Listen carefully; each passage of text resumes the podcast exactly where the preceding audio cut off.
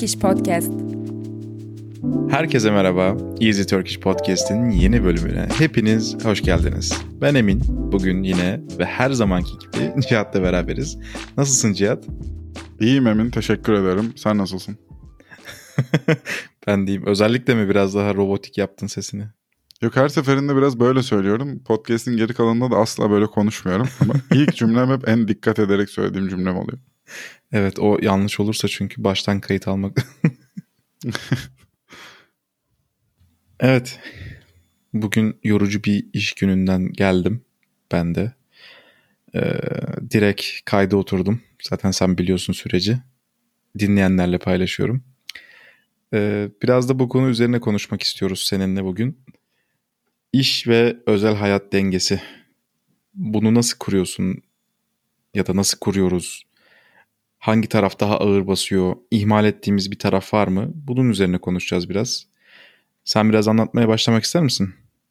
Ya tabii biraz genel konsepte bakış açımı da anlatayım. Şimdi biz kariyerinin görece başındaki insanlar olarak belki bu dengeyi kurmakta biraz güçlük çekiyor olabiliriz. Bu dengeyi kurmaktan kastım da şu. İş saatinin başladığı ve bittiği bir e, nokta olmalı.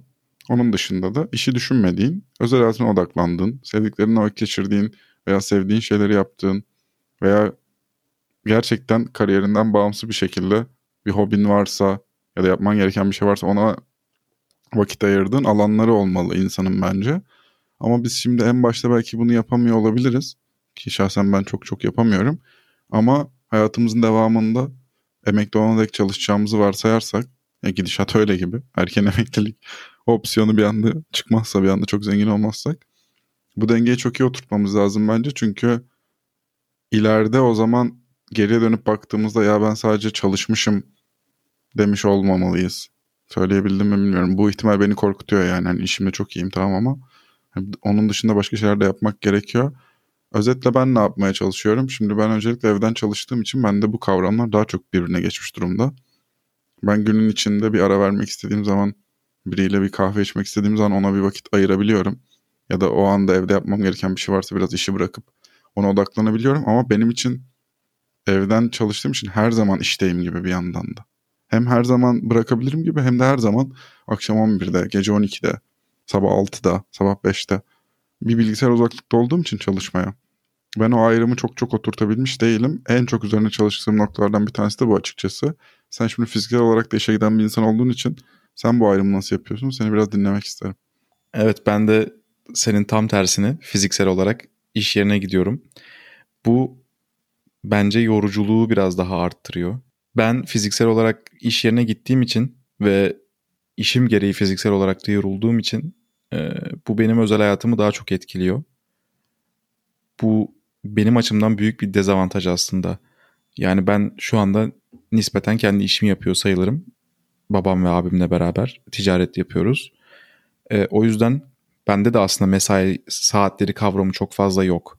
Günde 10 saat 11 saat çalışıyorum. Çünkü çalışmak zorundayım. Çünkü kendi işim. Ee, yani işten eve döndüğümde de mesela kafamda yarın neler yapacağım ya da neler yapmalıyım, daha iyiye nasıl götürebilirim şeklinde düşünceler oluyor.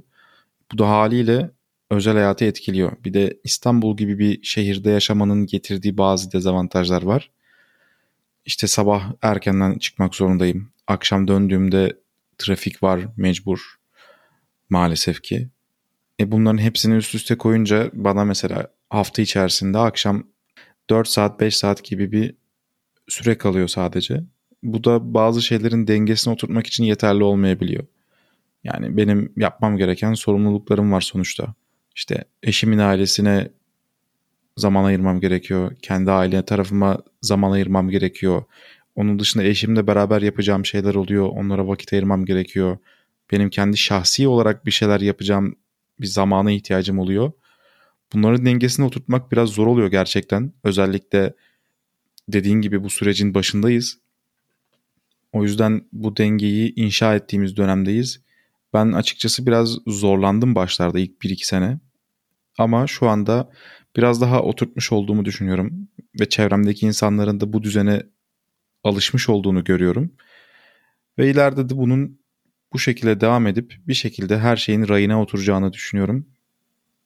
Ama yani özellikle İstanbul'da birazcık gerçekten zor.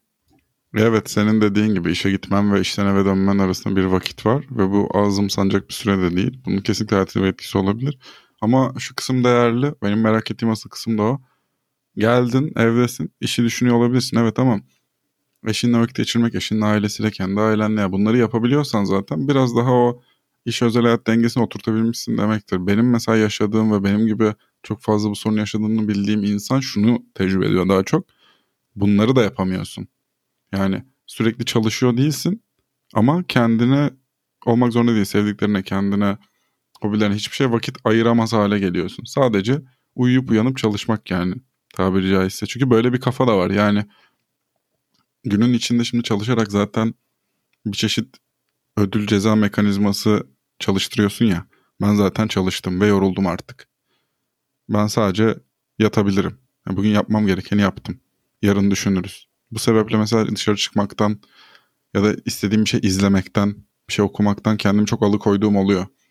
Daha sonra yaparım bugün çok yorgunum. Oysa ki benim o saatlerde onu yapmam lazım ki hayatı biraz daha çekilebilir kılayım. Öbür türlü sadece çalışıp uyuyup yemek yemiş oluyorum.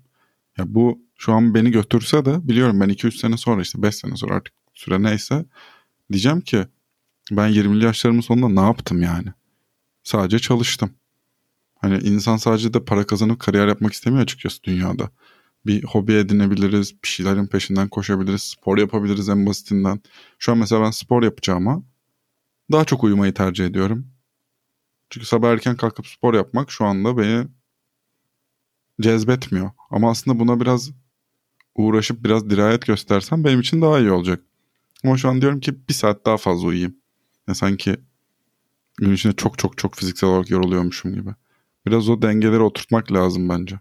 Aslında o biraz ya iradeye de bakıyor. Evet. Ve motivasyona da bakıyor.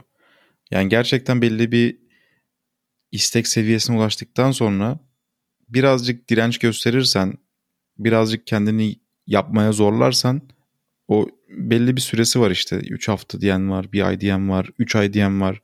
O bir yerden sonra hayatın bir parçası oluyor. Onu oturtmak lazım işte. Ama dediğin gibi yani mesela ben şu anda sabah erken kalkıp spor yapma ihtimalim sıfıra yakın. Hiç gerçekçi değil yani. Bu aslında benim hayatımda iş ve özel hayat dengesinin tam olarak dengeli olduğunu göster yani olmadığını gösteriyor. İşin biraz daha ağır bastığını gösteriyor ama hem günümüz dünya koşullarında hem ülkemiz koşullarında farklı bir şey düşünebilmek de çok zor. Bir de insan beyni ve vücudu biraz daha kolaya meyilli ya. Mesela elinde iki opsiyon var. Birisi kalkıp sabahtan spor yapmak, diğeri de bir saat uyumak. Yani vücut çok kuvvetli bir şekilde o yani daha kolay olanı istiyor. Burada aslında zihnimizdeki o bariyerleri kırıp kendimizi bir şeyleri zorlamaya, bir şeyleri yapmayı zorlamaya, bir şeylere mecbur etmeye çalışmamız lazım. Bence işin yani anahtar kısmı burada. E, evet buna katılıyorum. Ya geçmiş şirketimdeki müdürlerden bir tanesi entropi hakkında konuşurken bana işte ki ben de kimyada okudum yani bilgim vardı ama öyle bir konu konuşuyordu yani evrenin entropi arttırmaya meyilli olduğuyla alakalı. Sana da anlatayım bu analojiyi. Çok güzel bir analoji kurmuştu. Bir oda dolusu eşya hayal et. Ne eşyası olduğu önemli değil içindekilerin. O eşyaların hepsini kırmak ve yok etmek onları tekrar yapmaktan çok daha kolay. Yani işte entropi diye tanımladık yani bir şeyleri yapmamak ya da yapılan şeyi bozmak sıfırdan bir şey inşa etmekten çok daha kolay ya. İşte spor gibi konular ya da alışkanlık edinme süreçleri de öyle. Yapmamak çok kolay. Yapmıyorsun ve bitiyor. Ama oysa ki yapmaya karar vermek senden söylediğin gibi bir disiplin istiyor, bir irade istiyor. Bunların yanı sıra bir gerçekten emek sarf etmen gerekiyor. İşte atıyorum sporsa bu konu düzgün beslenmen lazım. Enstrüman çalmaksa gerçekten biraz odaklanıp e, vücudunu da enstrüman çalabilir hale getirmek lazım. Yani sadece baştan sağma bir şekilde atıyorum keman çalamıyorsundur büyük ihtimalle. Biraz odaklanıp doğru hareketleri yapmaya çalışman lazım. Bu kısımla alakalı benim problemim az önce anlattığım gibi çalıştığım için zaten gün içinde başka bir şeyler yapmaya ihtiyaç duymadığım yanılgısı. O da hem tembellikten geliyor hem bahsettiğim o ödül ceza mekanizmasına göre ben günün içinde zaten yapmam gereken en önemli şey yaptım ya. Çalışmak. Ya kendime vakit ayırmak benim için günün önceliklerinden biri değil an itibariyle. Ama bence bu çok kötü bir yaklaşım. Bunun da bilincindeyim. Her şeyden önce psikolojim de benim çok önemli. Sadece çalışan biri bir noktadan sonra yabancılar buna burnout diyor ya. Hı hı. Ne denir bilemiyorum. Bir bıkkınlık tükenmek gelir. işte. Evet tükenmek bir bıkkınlık gelir. Hani o noktayı da aşmak için düzenli izin kullanmak gerek. Özellikle ya benim gibi senin e, durumunda olmayan insanlar için söylüyorum. İzin hakları sınırlı olanlar için de. Uzun hafta sonları yapmak gerek bazen belki. Cuma veya pazartesi izin alıp. Ya bunları değerlendirip arada bir durup gerçek dünyada da bir şeyler yaşamaya ihtiyacımız var. Evet biliyorum ekonomi ve enflasyon geçen bölümde konuştuğumuz üzere çok böyle bir şeyler yapmamıza müsaade etmiyor fakat buradaki önemli mesele yaklaşım. İnsan kendine de vakit ayırmalı.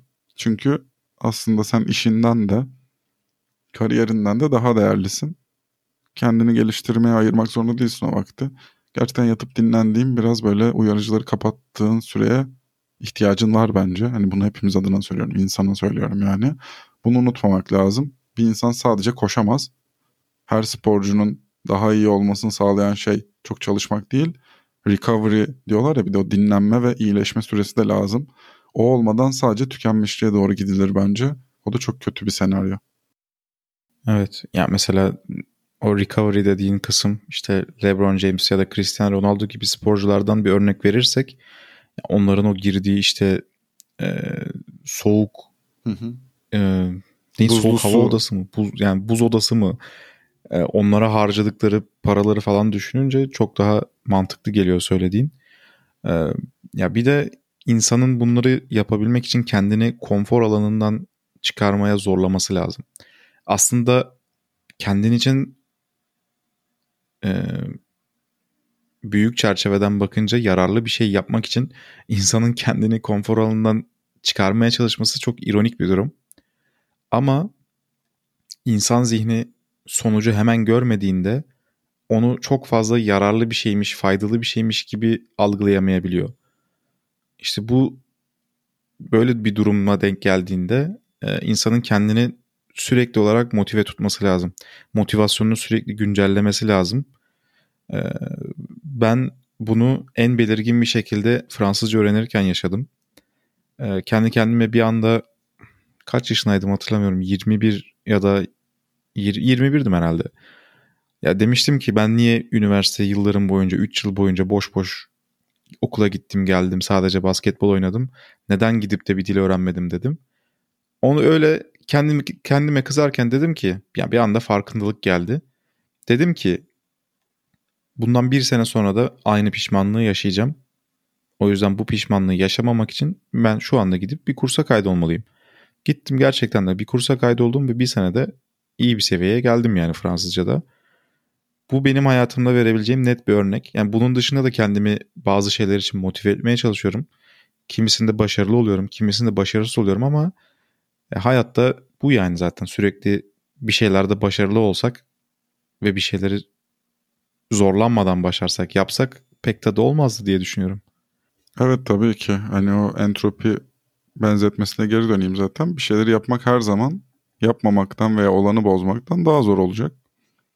Çünkü akıl etmen lazım, odaklanman lazım, efor sarf etmen lazım, vakit ayırman lazım, yeterince istemen lazım. İnsanın gözünü korkutuyor böyle sayınca ama bunların hepsini yapabildiği zaman insan ileri doğru gidebiliyor.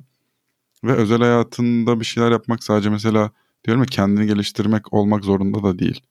Ama bir birey olduğunu kabul edip sadece çalışan ve tüketen bir ne denir buna? Bir ürün değilsin yani. Bir insansın, hislerin var, duyguların var, hayallerin var, yapmak isteyeceklerin var. Bazı günler mesela kendini daha mutsuz hissedebilirsin. Doğaldır yani o gün uyanırsın ve o kadar iyi hissetmezsin kendini. O günlerde kendine de kızmamak lazım. Her zaman çok üretken olamayız. Ben böyle düşünüyorum biraz. Her gün insan motivasyonunu korumak zorunda da değil. Yine yapman gerekenleri yap eğer kaçış alanın yoksa. Ama insan kendine de çok yüklenmemeli. Bazı günler diğerlerinden daha kötü olur. Bu da insan doğasının bir parçası yani. Havanın etkisi olur. O gün yeterince yemek yememişsindir onun olur. Ya da gerçekten daha duyarlı bir insansındır mental olarak. kolay etkileniyorsundur bazı şeylerden. Moralin çabuk bozuluyordur diğer insanlara göre. Onlarla kendini kıyaslamadan sen ne hissediyorsan bunun peşinden gitmen gerekiyor bence. Biraz hepimiz böyle çalışan psikolojisine girince bunu unuttuk sanki. Hani yok biz önce insanız yani. Hani umarım anlatabiliyorumdur bunu. Yo, çok iyi anlıyorum. Ya insan aslında hayatın her alanında dengeyi kurması lazım. Şimdi insan çevresine bakınca insanların özellikle sosyal medya sebebiyle sadece başardığı ve yaptığı iyi şeyleri görüyor. Evet. Mesela birisi bir paylaşım yapıyor. Aa o o pozisyona gelmiş. Aa orada çalışmaya başlamış. Aa orada yüksek lisans yapmaya başlamış diyorsun ve zannediyorsun ki o insan hayatın her saniyesinde bu şekilde başarılı bir şekilde ilerliyor. Hayır, aslında o da değil. Ee, burada kilit noktalardan birisi insan kendi hayatına ve kendi gerçeklerine odaklanmalı ve kendini kabullenmeli.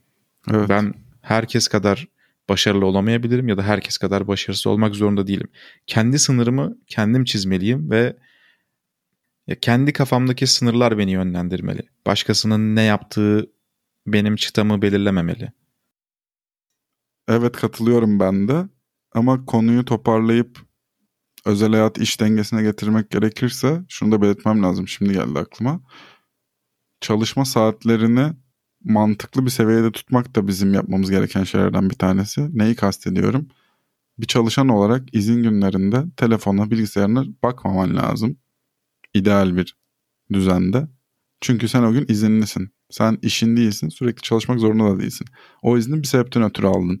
Ama Türkiye'de fazladan çalışmak ve izin günlerinde de ihtiyaç olduğuna ulaşılabilmek bir normal. Bunu biz normalleştirmişiz. Yani bazı insanlar 11-12'ye kadar çalışıyor. Benim de böyle günlerim oluyor bu arada. Bunu söylememe rağmen. Bazıları saatinde kapatıyor bilgisayarını mesela. Şimdi sen sürekli 11-12'ye kadar çalışırsan senin performans değerlendirmen de bununla alakalı olarak yapılırsa e bu daha fazla çalışıyor. İşte A kişisi B kişiden daha fazla çalışıyor. Onu ödüllendirelim'e gider olay. Oysa ki bu çok yanlış bir davranış aslında. Senin 11-12'ye kadar çalışmıyor olman lazım. Senin de bir hayatın olmalı, hayatına devam ediyor olman lazım. Yani sen 11'lere, 12'lere, gece 1'lere kadar çalışırsan sabahtan başlayıp 6'da kapatan insanlar sana yetişmek için önce 7'ye çeker çalışma saatinin sonunu. Sonra 8'e, sonra 9'a, sonra kaçınılmaz bir şekilde 10-11 olur yani. Oysa ki şirketler de burada çizgiyi net bir şekilde çekip abi hayır bu saatlere kadar çalışacaksanız sabah geç başlayacaksınız. Bizim çalışma saatimiz budur. Bunun dışında sizin performansınızı göstermenizi istemiyoruz. Bizim için akıl sağlığınız daha önemli demeleri lazım. Bir yandan niye desinler? Bir yandan da evet, ama daha kalifiye, daha kafası çalışan, daha yetenekli insanları bünyesine katabilmek için firmalar bunu yapmak zorunda kalıyor. E çünkü o çalışanın talebi bu. Benim bir özel hayatım var ve ben buna saygı duyuyorsun istiyorum diyor mesela. Ya çok komik şey mesajları oluyor bize. Maillere. izin mailleri. Personal time off deniyor işte PTO bu mail başlığını. Mesela ya benimkinde hiçbir şey yazmıyor. Direkt izinde olduğumu belli edecek bir toplantı olarak tüm şirkete atıyorum. Bazılarında şey yazıyor mesela. Ya İngilizce bile olsa hani Türkçe severek söyleyeyim. Ben yokum, tatildeyim. Çok acilse işte 112 arayın mesela. Hani doğru yaklaşım bu. Hani çok acil bir şey varsa polisi ara. Ambulansı ara yani. Hani hiçbir şey o kadar acil değildir eminim ki. Biraz yaygınlaşmaya başladı bu izin ve mesai süresi muhabbeti Türkiye'de de. Global şirketlerin sayısı arttıkça özellikle. Ama yine de bizim bir çalışan olarak önce yok abi bu kadar çalışma ihtiyacımız yok. Önce bununla bir hemfikir olmamız lazım. Eğer kendi işini yapmıyorsan. Orada zaten şartları sen belirliyorsun. Ona bir şey diyemem. Ya aslında kendi işini yapıyorsan da sınırların belli olmalı. Evet, ideal olarak evet. Evet, o konuda ya babamdan örnek vereyim. Babam tam anlamıyla bir işkolik. Ee, bunu kötü anlamda söylemiyorum. Hani işine aşık yani. Adam iş yaparken, çalışırken gerçekten çalışıyor gibi düşünmüyor. O yüzden de e, kendine ayırdığı vakit sınırlı oluyor. Çünkü zaten işteyken kendine vakit ayırıyormuş gibi hissediyor. Ama bence ben bana bu doğru gelmiyor. Tamam işi çok düşünelim, çok çalışalım, çok kafa yoralım, nasıl daha iyi yapabiliriz her şeyi. Ama gerçekten insanın uzaklaşması gerekiyor bazen. O kafanın berraklaşması için e, gerçekten özel hayatında herhangi bir şeye mani oluyorsa bu durum sen işini ne kadar iyi yapıyorsan yap o dengeyi kuramamış oluyorsun. Ya çünkü çevrenin sana ihtiyacı var aslında. Senin çevrene ihtiyacın olduğu gibi. O ihtiyacı giderememiş oluyorsun bu sefer. Ya zaten iki tane senaryo yazalım şimdi. Bir tanesi evinde çok mutlu, ailesi çok mutlu, hobileri var, kendini de geliştiriyor. Ya ideal insan olur ya işte bizim için. Her şeyi doğru olarak yapan biri. Diğeri de sosyopatlık derecesinde işkolik. Sadece işiyle ilgileniyor.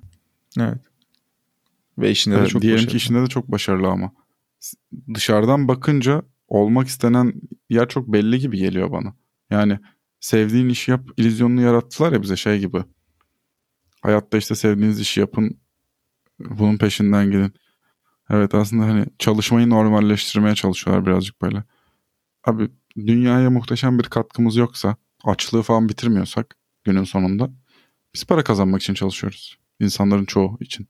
Yani sporcuların veya işte sanatçıların ya da büyük iş insanlarının diyeyim bir yine Türkçesini bulamadığım için İngilizce söyleyeceğim. Legacy kaygısı olabilir. Yani yaptığım iş bir tarih yazsın. İnsanlar beni anımsasın. Bu hissi anlıyorum ama bu çok sayılı bir insan grubunun ulaşabildiği bir mertebe zaten. Yani bu inanca sahip olmayı anlıyorum. Onun dışında herhangi bir şirketin, herhangi bir pozisyonun çalışanıysan yerin de değiştirilebilir. Yerine başkası da bulunabilir. Sen de başka bir şirkette benzeri bir iş yapmaya devam edebilirsin. Yani yerin asla kalıcı değil. Bunu kötü ve anksiyete e, oluşturacak anlamda söylemiyorum. Pozisyonumuzu kabul etmemiz lazım. Dediğim gibi dünyaya muhteşem bir katkı sağlamıyorsak biz daha iyi hayat şartlarıyla yaşamak için, daha çok para kazanmak için, bir statüye sahip olmak için çalışıyoruz. Bundan daha fazlası değil çalışmak. Ya işlerin %99'u için böyle değil en azından. %1'lik bir kesim var onlara zaten saygıdan başka bir şey duymuyorum. Gerçekten böyle hepimize insanlık adına iyi şeyler yapmaya çalışan çok fazla insan var eminim ki. Ama şimdi kendime antitez de öğreteceğim. Doktorun bile durması lazım. Evet değil mi? İnsanlara yardımcı oluyor. Bizi iyileştiriyor. Ameliyatımıza giriyor. Sorunlarımızı çözüyor. Muhtaç olduğumuz en önemli insan belki işler rast gitmediğinde vücudumuzda. Onun bile biraz durması lazım. Bu iki gün üst üste çalışamaz mesela. E Çünkü şöyle bir şey var. Onun daha uzun süre daha iyi bir seviyede hizmet etmesi için durması lazım. Aslında onun için ve bizim için durması lazım yani. Ya bunları biz biraz yeni yeni oturtuyoruz bence tüm dünya olarak. Kavramlar değişiyor. Keşfetmekte olduğumuz bir şey ama biz de dediğim gibi çalışma ya ilk 5 senesini yaşayan insanlar olarak çalışma hayatında ilk 3 senesini falan. Şimdi koşmak mantıklı bence de. Biraz koşalım, hareket edelim, çok çalışalım. Ben buna okeyim. Ama çizgiyi bir yerde çekmeyi öğrenmemiz lazım. Öbür türlü biraz daha büyüdükçe, yaşımız da arttıkça yeni şeyler edinmek, yeni hobiler edinmek, o disiplini oturtmak, o isteği bulmak daha zor olacak gibi geliyor bana. O yüzden şimdiden doğru adımları atabildiğimiz senaryo yaşamak isterim. Söyleyeceklerim bu kadar. Evet yani bir de şu anda bir şeyleri nasıl oturtursak hem çevremizin bakış açısı hem atıyorum patronlarımızın bakış açısında e, hem de özel hayatımızda ya o şekilde devam edecek gibi hissediyorum. O yüzden şu anda iş hayatımızın ve hayatımızın geri kalanının en kritik dönemlerindeyiz gibi hissediyorum ben de. Bugünlük bu kadardı. Bizi dinlediğiniz için çok teşekkür ederiz. Yorumlarınızı, sorularınızı, öğrenmek herhangi bir şey Türkiye ile Türk kültürüyle ilgili hepsini bekliyoruz. Bir sonraki bölümde görüşmek üzere. Görüşmek üzere.